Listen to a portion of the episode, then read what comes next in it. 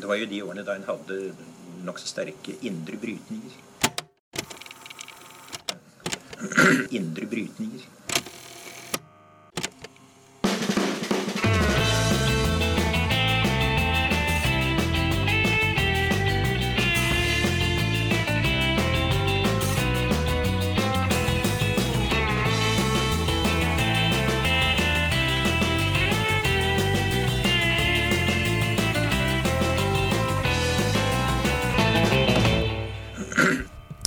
Hei og velkommen tilbake til Noen har snakket sammen. Mitt navn er Tiril Halvorsen. Og jeg heter Aksel Fjellavli. Eh, Vi er tilbake fra sommerferie. Ja, nå står Ja. kortet i, og vi tar Du har opp. alt, du. og ja, det er jo ikke så vanskelig med den der. ja, i motsetning til den forrige, som var vanskelig. Ja, må, ja. Ja, den var litt vanskelig. Ja. Bra, Aksel. Mhm. Dette får du til. Velkommen, vår sjef Trygve Svensson. Du har vært på tur i Norge, du. Jeg har det. Det er jeg eneste som ikke har hatt ferie. Du har rett og slett tatt en bobilfatt og reist rundt i fire uker. Jeg gjorde det. Jeg fikk leie en bobil, en ganske bra en, faktisk. Det var ikke en av de der som kjører i 30 km i timen og som skaper lange køer på vestlandske veier. Som jeg har vært bak mange ganger tidligere. Nei. Liksom en ganske bra bobil. Og eh, så fikk jeg med meg konen min, utrolig nok. Tre ungene de hadde jo ikke noe valg, da. De var med, de òg.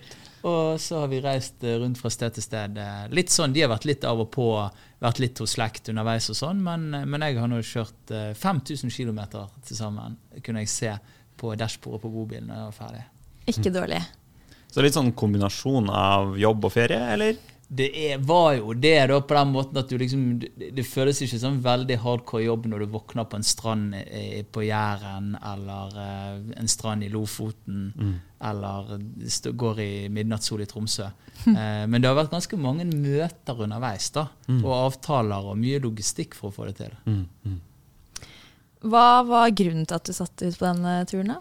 Du, det var Jeg tenkte I Agenda så pleier vi jo å lage notater, eh, kronikker. Vi foreslår ganske mye politikk.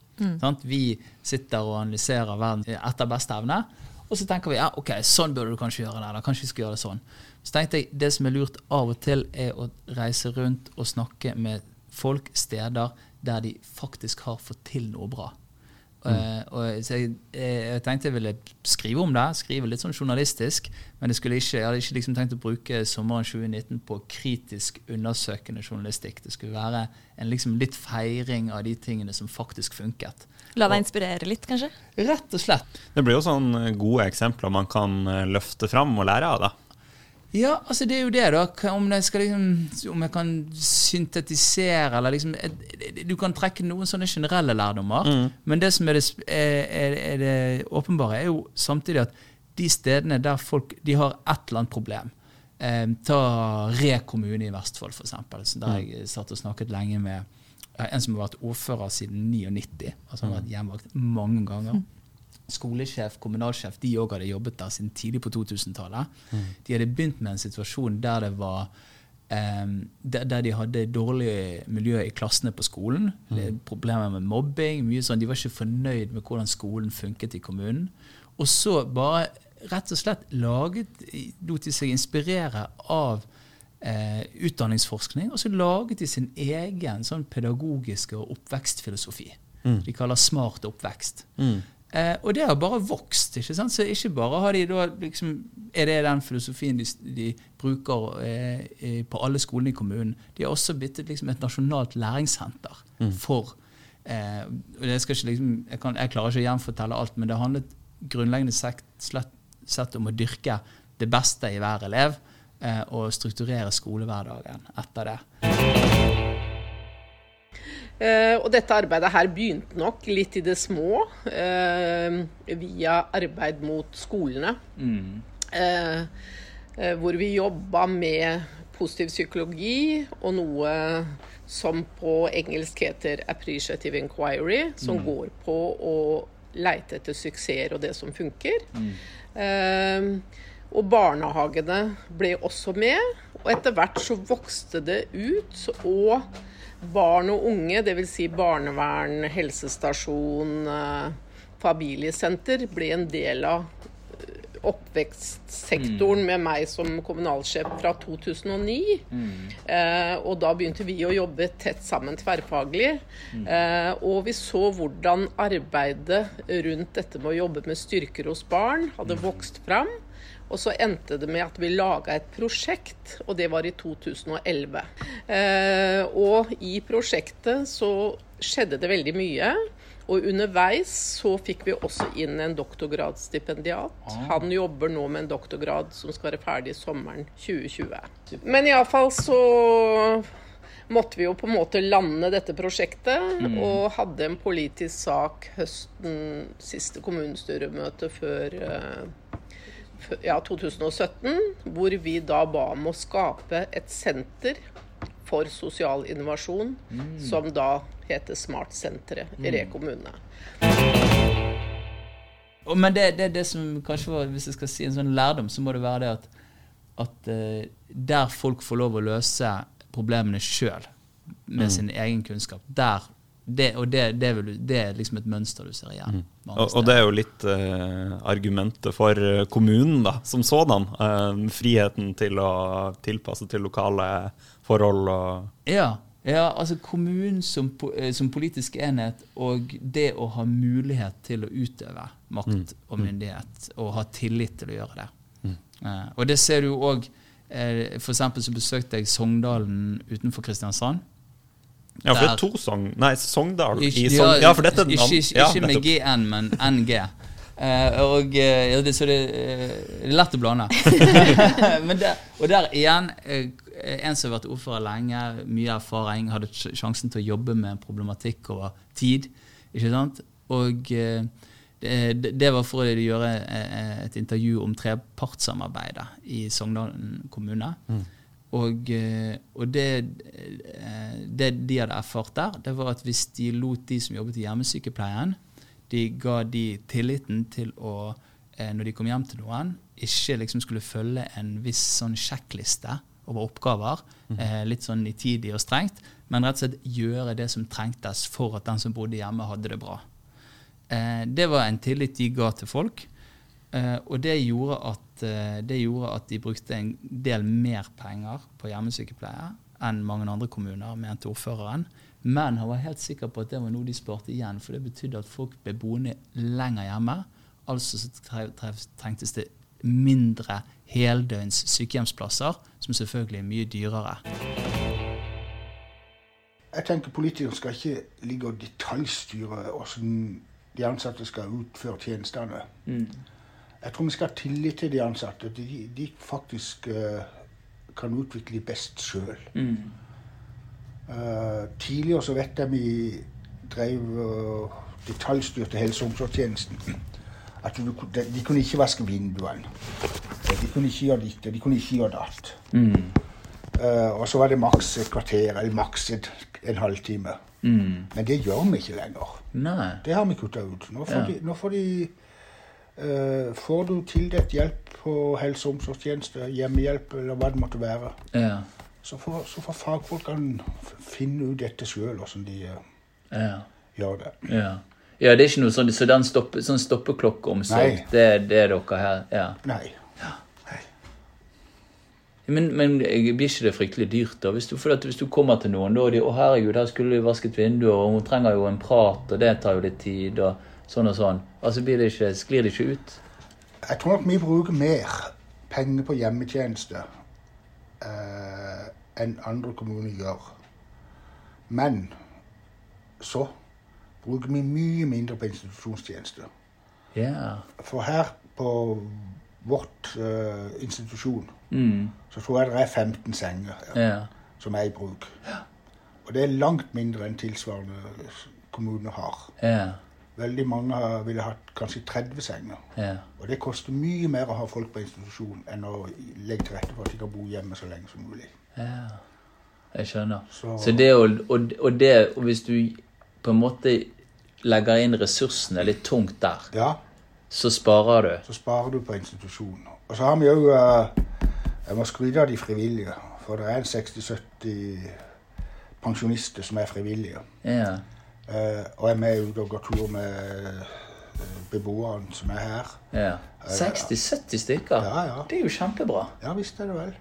Og lage aktiviteter på dagsenteret. Ja. Eh, Sang og musikk og forskjellige aktiviteter. Grillfest og ja, you name it. Og det betyr jo veldig mye. ja, klart det Ja, ja, for det frigjør tid til de som jobber, jobber der. Så det var, en sånn, det var et sånn typisk eksempel på at hvis du gjør noe liksom ordentlig i én fase, så er det bra for helheten. Eh, og det er òg en sånn lærdom jeg kanskje går an å syntetisere av, av, av det å reise rundt. Da. At de stedene der folk, eh, der folk klarer å gjøre ting ordentlig og tenke skikkelig helhetlig, altså litt sånn omvendt av New Public Management-tenkning, der alt skal plasseres i bokser, og hver enkelt mellomleder er ansvarlig for sitt budsjett osv., og, mm. og som kan skape eh, eh, konkurranse mellom enheter og mindre helhetstenkning. De stedene man virkelig tar seg råd til å lø gjøre ting ordentlig, så sparer samfunnet som helhet på det. Det med å bruke penger for å spare penger, som man Ja. da har gjort i hjemmesykepleien, eh, er jo interessant. Og det har vært mye snakk om skolemat for eksempel, den siste Ah. tiden. Og du har jo også vært og sett på et eksempel hvor de har faktisk gratis skolemat. Jeg var det. Og hvor var, kanskje det også er et eksempel på det samme. jeg, jeg, jeg var på Vega, og det er jo eh, kanskje en av de vakreste plassene i universet. Og i tillegg så har de varm skolemat. Fem dager i uken til alle ungene. Og eh, de hadde, han hadde Og da møtte jeg da Det var utrolig kult. Da møtte jeg eh, en fra teknisk avdeling i kommunen, Bent. Og så møtte jeg, eh, ordf så møtte jeg ordføreren. Eh, og så møtte jeg eh, eh, vaktmesteren på skolen. Og de kom alle tre midt i fellesferien for å fortelle om dette. Eh, og, og det hadde begynt med at de hadde en teknisk sjef i kommunen som kom fra Sverige. Eh, og som laget seg varm mat, som hadde med seg varm mat i lunsjen på kommunehuset hver dag. Mens de andre satt der liksom med knekkebrødene og nisten sin og, og sånn. ikke sant? Og så ble jo de inspirert av dette, her, og han eh, svenske tekniske sjefen sa sånn Ja, men herregud, liksom, av alle steder i Norge, dere må jo kunne få dette til. Um, og i begynnelsen så var det litt sånn Ja, men hvordan skal vi få til det blir dyrt? Vi er nødt til å lage et nytt kjøkken på skolen osv. osv. Men så vi tenkte de ja, men vi kan jo bare bruke det kjøkkenet vi allerede har på sykehjemmet, som bare ligger noen steinkast unna skolen. Eh, og dermed, nå hadde de regnet på det, de, da, de lager da 127 000 måltider hvert år til ungene på Vega. Koster de ikke mye penger. Jeg spurte ja, blir ikke dette dyrt. Så det var ordføreren veldig kategorisk. Nei, det er ikke dyrt. Det kostet den kommunen 600 000 i året. 20 kroner per måltid. Eh, og eh, han mente det var en glimrende investering i framtiden til ungene. Både fordi at eh, de lærte noe med å sitte sammen, dele et varmt måltid rundt et bord. Eh, de fikk da altså sunn mat hver eneste dag. Tidligere så hadde det vært en Coop som lå rett ved siden av skolen. Der hadde det liksom vært et, et skikkelig rush hver lunsjtid. Og boller og cola og snop. Og de hadde vært nødt til å ansette egne vakter for lunsjtiden. Og dette tror jeg er noe som mange små lokalsamfunn rundt om i Norge kjenner seg igjen i. altså. Eh, alt det der var det slutt på. Nå satt eh, ungene og, De begynte med ungdomsskoleelevene, for de, de, de vet at mange av de har ikke spist frokost når de kommer på skolen. De spiste først, og så fulgte de andre på. Eh, og han var temmelig sånn sikker på at det er noe du kom til å merke, de ungene som du hadde fått det måltidet hver dag. At det kommer kom til å ha en positiv effekt. Du, du har jo mange ulike eh, eksempler på ting, men det er én sak som du ikke har, eh, har nevnt, og det er jeg selvfølgelig spesielt opptatt av. Det er jo eh, det du så i Bodø. Eh, det? at du skulle spørre om det, Aksel. eh, nei, nei, men eh, Verdens vakreste plass, om vi skal si det. Ja, nettopp. Eh, men der er det jo eh, hva skal si, Du skrev en sak til eh, Agenda Magasin mm. der du skrev at blant annet at eh, det var mange som pekte på Bodø som et eksempel for eh, boligpolitikk. da. Ja. Eh, at eh, på en måte lokale politiske valg hadde noe å si for hvordan boligpolitikk som ble ført. Hva, hva er det de har eh, gjort der som det går an å lære av? Du, det, det var interessant eh, både som et generelt poeng, eh, og det var det, det dette med at det kan lønne seg å bruke penger for å spare penger. Sant? Eh, I Bodø så er tilfellet at der eh, istedenfor I og med at en kommune har plikt for å sørge for at folk ikke skal være bostedsløse, så må kommunen løse det hvis noen trenger bolig på en eller annen måte. Tidligere så hadde de løst det i Bodø med, i Bodø med eh, hospits og noen ganger sånn campingplasshytter. Det er ikke så uvanlig for på en måte å løse et akutt boligbehov for Og det er jo spesielt de folkene som sliter mest i samfunnet vårt, som får sånne løsninger. Mm. Men der hadde de da istedenfor laget et skikkelig botilbud med et ålreite hus.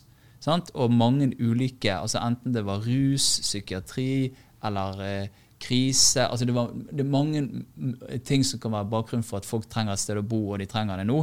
Men de hadde da laget mange eh, løsninger som traff ganske spesifikt, og dette har Husbanken sagt at Bodø er liksom top of the class i Norge på.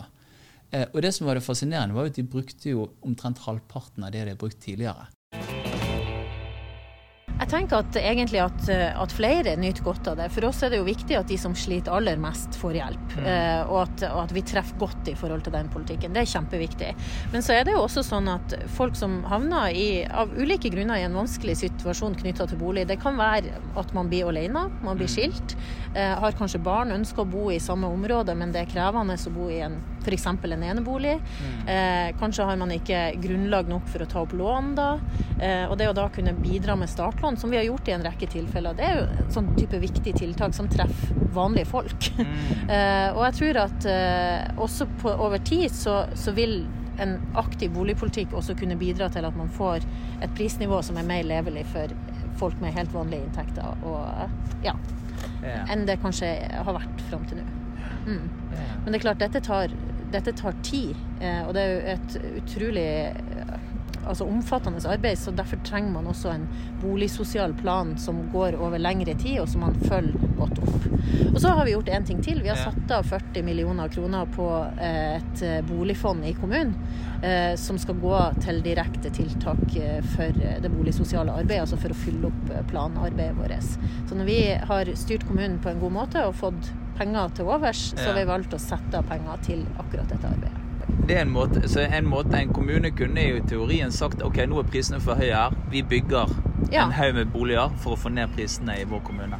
Ja, det kunne man ha gjort. Ja. Uh, og det er jo sånn som uh, vi kan gjøre f.eks. også med å si at vi skal ha tilgang til en del av disse boligene gjennom tilvisningsavtaler. Ja. Eh, men det er jo også det å regulere ut til spennende boligprosjekt. Vi har bl.a. i Bodø nå også noen utbyggere som ønsker å bygge veldig rimelige boliger. Ja. Eh, og, og, ønsker å teste ut det.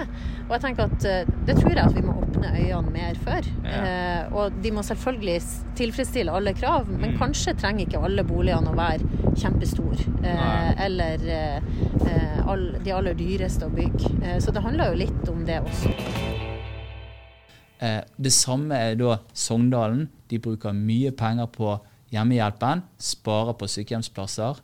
Gloppen kommune, der de da har noe som kaller Gloppen-modellen, der de bruker masse masse ressurser på flyktninger når de kommer, og sørger for å få dem gjennom et tre-fireårig skoleløp som ender opp med fagbrev. Men altså, der har de 80 eh, resultat. Altså 80% av deres flyktninger for å si det sånn, de kommer i jobb. Mm. Eh, så gang på gang så ser du at de stedene du er villig til å investere ganske tungt, og tenke helhetlig som samfunn, og ikke nødvendigvis bry deg så mye om mål- og resultatstyring, men heller bare tenke at nå skal vi gjøre det som er mest mulig smart og klokt her, ut ifra sånn som vi ser verden, vel, da da, da, lønner den investeringen seg på sikt. da. Så det er et sånn ganske interessant generelt poeng. Mm. Og så med boligpolitikk, spesifikt om det, eh, så er jo det noe som, det, som er veldig vanskelig å gjøre til liksom en stor politisk sak av en eller annen grunn. Jeg tror det har med at alle har liksom litt sånn skin in the game i Norge. -hmm. alle, enten eier du bolig og er på en måte innenfor boligmarkedskarusellen, og da er, er det, det, er det, er en av grunnene til at eiendomsskatt er såpass kontroversielt her. For så mange av oss eier bolig. Eh, men den boligpolitikken vi har nå, er jo ikke bra. Sant? Den gjør det kjempevanskelig for folk å komme inn på boligmarkedet. Eh, det gjør at nesten alle de som har litt ekstra kapital, altså rike folk, de putter pengene sine i bolig. Og mm. det er jo helt ufattelig tåpelig. Ikke sant? Altså At penger skal investeres i murstein. De pengene burde jo blitt investert i ny næringsvirksomhet, noe som kan skape arbeidsplasser. Skaper veldig lite verdier at rikfolk skal drive boligprisene opp i Norge. Og så lærte jeg noe annet fascinerende. Og det var da jeg besøkte Flesnes eh, helt eh, sør i Troms. Og det var, Der var det faktisk boligmangel. Altså Hvis det blir lagt ut boliger der i den bygden som er av god stand, så forsvinner de med en gang. Eh, fordi at enten så er det gamle, slitte hus med typisk liksom sånn eh, etanittplater. ikke sant? Mm. Altså sånn Dårlige hus som har stått tomme i mange år. Det er jo ikke en vanlig, norsk, en vanlig moderne familie har ikke lyst til å bo i det. Ellers er det sånn at folk har råd til å beholde foreldrene sitt barndomshjem og bruke det som hytte- og fritidsbolig. Så det er eh, eh, i, i, på en måte i bygder som kanskje er langt fra en storby, eh, er, eh, det var, også, det var liksom et, et, poeng og et problem for dem. De hadde arbeidsplasser, men de hadde ikke boliger. Og det var vanskelig å få bankene til å gi lån til folk som ville bygge et nytt hus. Fordi bygden lå så langt fra et tettsted. Mm. Så du får en sånn catch 22. Det er òg et eksempel på at du trenger mer aktiv boligpolitikk. da. Hele turen din har jo vært eh, foregått under denne hashtaggen 'jakten på det gode liv'. Man skulle kanskje ikke tro at man måtte reise så langt til Norge for å finne eksempler på det, og det har, har du heller ikke. Det har funnet det veldig mange steder. Men hva er det folk sier, på en måte? Eller hva, har du en oppskrift nå etter å ha reist rundt? hva det? Du, jeg, hvis, det, det er så mange ting, da. Men men altså, vi, har klisjé, jeg må bare si, vi har en sånn klisjéoppfatning av folk i Norge om at vi er litt sånn kalde og innesluttede og lukkede osv. Og, og det er bare bullshit. Altså, du, jeg, jeg, tror ikke det har gått en dag uten at folk bare helt sånn uoppfordret begynte begynt å snakke med oss. Altså, Vi har kommet i så mange rare, store og små samtaler. Eh, når du reiser med unger, er det veldig lett, selvfølgelig, for det er liksom noe sånn avvæpnende med det. Men, men altså overalt i Tromsø så var vi litt lei av å bo i bobilen, så da leide vi oss et rekkehus i to dager. Da fikk vi låne hunden til nabokonen og ta, gå på tur i mange timer. Eh, når jeg kom fram til Kirkenes, så tok han som vi skulle møte, han bare tok meg og hele familien og kjørte oss hjem og serverte kaffe og satte ungene, ga de liksom leker, og så kunne vi gjøre intervjuet. Eh, overalt på, liksom på fergeleirer eller campingplasser eller hvor du er, så er folk veldig åpne, positive, greie. Eh, og når du spør om det gode liv, så tror jeg altså det, det, som liksom virkelig får det til å lyse i øynene på folk, det er de stedene de syns at ok, her har vi fått til noe skikkelig bra. Her har vi liksom brukt vår tid på jorden, arbeidstimene våre, og skapt noe som betyr noe for andre enn oss sjøl. Da er folk stolt. Da føler de yes, her har vi laget det gode liv.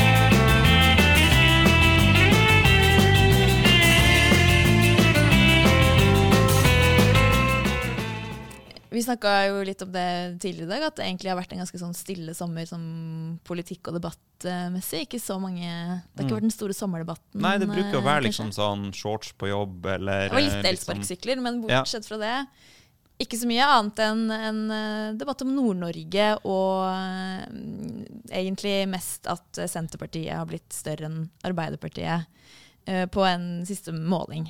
Mm. Um, men det har vært uh, mange skriverier om uh, både hvorfor det, og generelt egentlig Nord-Norge. Mm. Du har vel lest det som har uh, stått, Aksel, og hva tenker du, hva tenker du om skiftet? på en måte? Ja, altså det har jo vært ganske store, store velgerbevegelser i, i Nord-Norge. Og jeg tror man kan analysere seg litt i hjel på uh, så, sånne, sånne, ting. Altså, eh, jeg og det er heller ikke de store uenighetene når man leser spalter? Nei, nei, det er det ikke. Men jeg tror uh, årsaken er jo så enkel som at uh, velgere har noen saker som er viktige for dem, og noen saker som er litt, mindre viktige.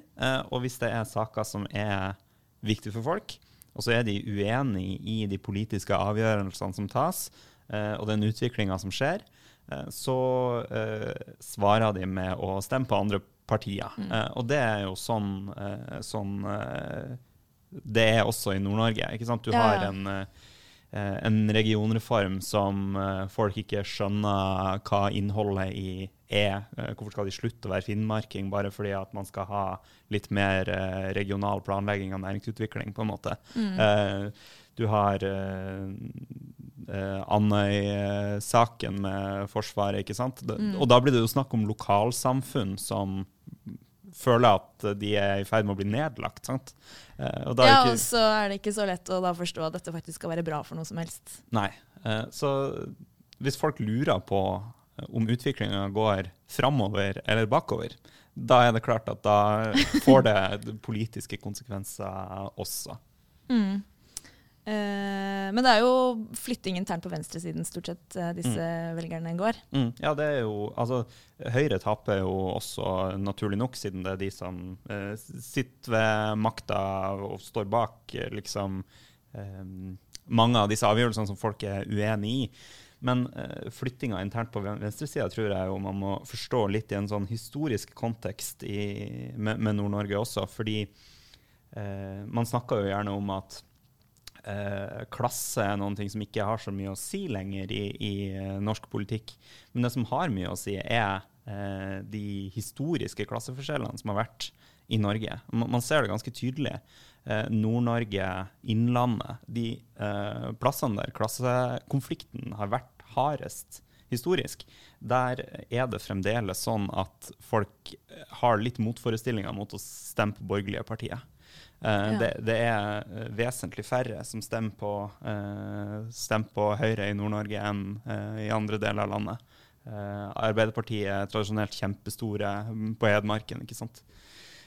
og når folk går mellom Eh, Arbeiderpartiet og Senterpartiet, så må det jo også forstås som et uttrykk for at flere i dag enn før opplever eh, Senterpartiet som et eh, rød-grønt parti. ikke sant? Etter åtte år med rød-grønn regjering så er det nok flere som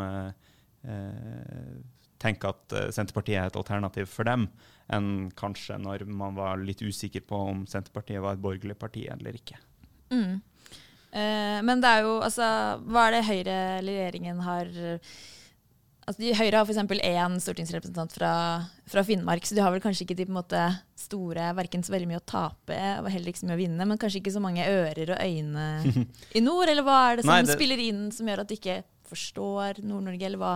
Nei, Det tenker jeg jo er interessant, et interessant uh, poeng, eh, egentlig, om, om, om, Høyre. Men jeg tror det har vært en uh, litt altså, Én ting er at man kan være uenig i, eh, i innholdet i eh, reformene som regjeringa har gjennomført, men det er også en ganske eh, voldsom mangel på finger, fingerspitzgefühl eh, i møte med, eh, med nordnorske velgere, tenker jeg. Man har lagt en masse reformer oppå hverandre som gjør at det oppleves som ei sterk sentralisering i Nord-Norge som kommer opp på Eh, ikke sant, en del eh, private virksomheter som også flytta hovedkontoret sitt til større byer osv.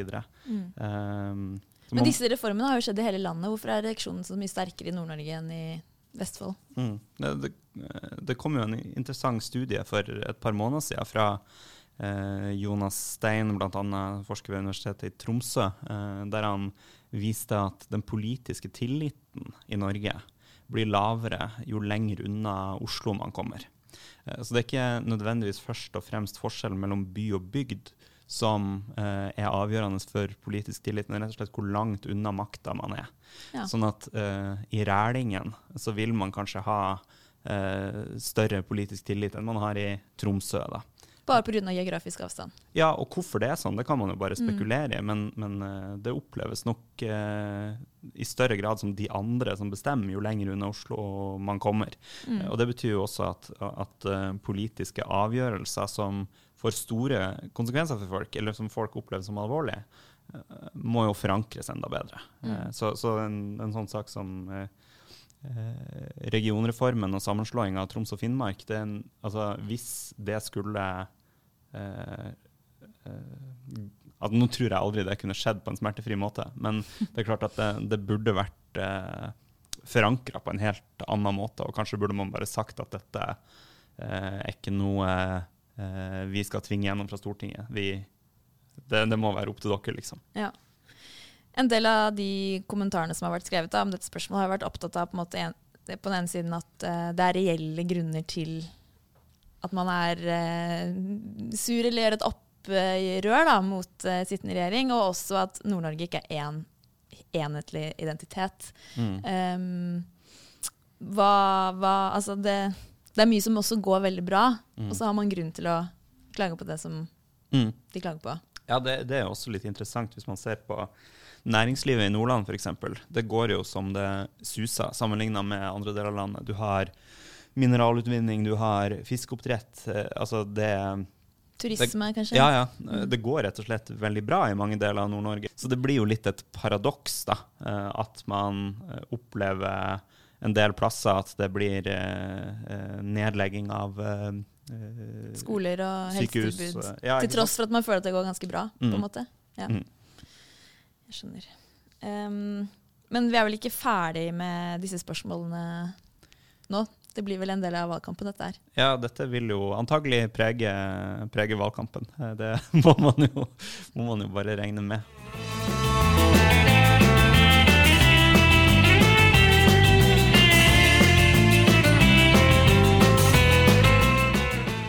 Ja, da var det tid for anbefalinger uh, igjen, Aksel. Ja, det kommer brått på. ja, det gjør det. Men sånn er det. Det er på tide å skru på jobbhjernen og av feriehjernen. Ja, nettopp. Mm. Men jeg har en ferieanbefaling likevel. Ja, Eller? Det er vel en del som har ferie litt fremdeles. Bøker kan man lese hele året, tenker jeg da. Mm. Jeg leste i hvert fall en veldig interessant og gøy, eller gøy, spennende bok i, i ferien som heter um, 'Educated' på engelsk, men noe tapt og noe vunnet på norsk. Som er skrevet av en amerikansk uh, jente som heter Tara Westover. Den handler om uh, hvordan hun vokste opp i en uh, mormonsk familie i Idaho i USA med en ekstremt religiøs bl.a. Eh, far, og hvordan det preget henne og hennes familie og oppvekst gjennom livet. da. Er det den boka med hun som kommer på universitetet, og de snakker om holocaust, og hun hadde ikke, ikke hørt, hørt, om det? det. Ja. Mm. Hm. Så sånn, I forlengelsen av, liksom, av, mye vi snakker om i Agenda, om hvordan oppveksten din preger deg resten av livet, så er dette et ekstremeksempel. Men ja. på det samme. Hva med deg? Eh, jo, eh, i forbindelse med at Trygve har eh, reist eh, rundt i landet, så har han jo også skrevet en del saker til Agenda Magasin, eh, som er basert på samtaler han har hatt med folk, og som eh, trekker fram gode eksempler fra politikk og næringsliv og frivillighet rundt omkring i, i landet. Så den eh, artikkelserien finner man enten ved å gå innom Trygve sin eh, Facebook-side, Trygve Svensson, eller å gå inn på rett på Agenda Magasin. Og der er det jo mange flere eksempler enn det vi har snakket om i dag. Rett og slett. Så her er det bare å fordype seg. Det er det. Da sier vi vel eh, takk for nå, og på gjensyn om en uke.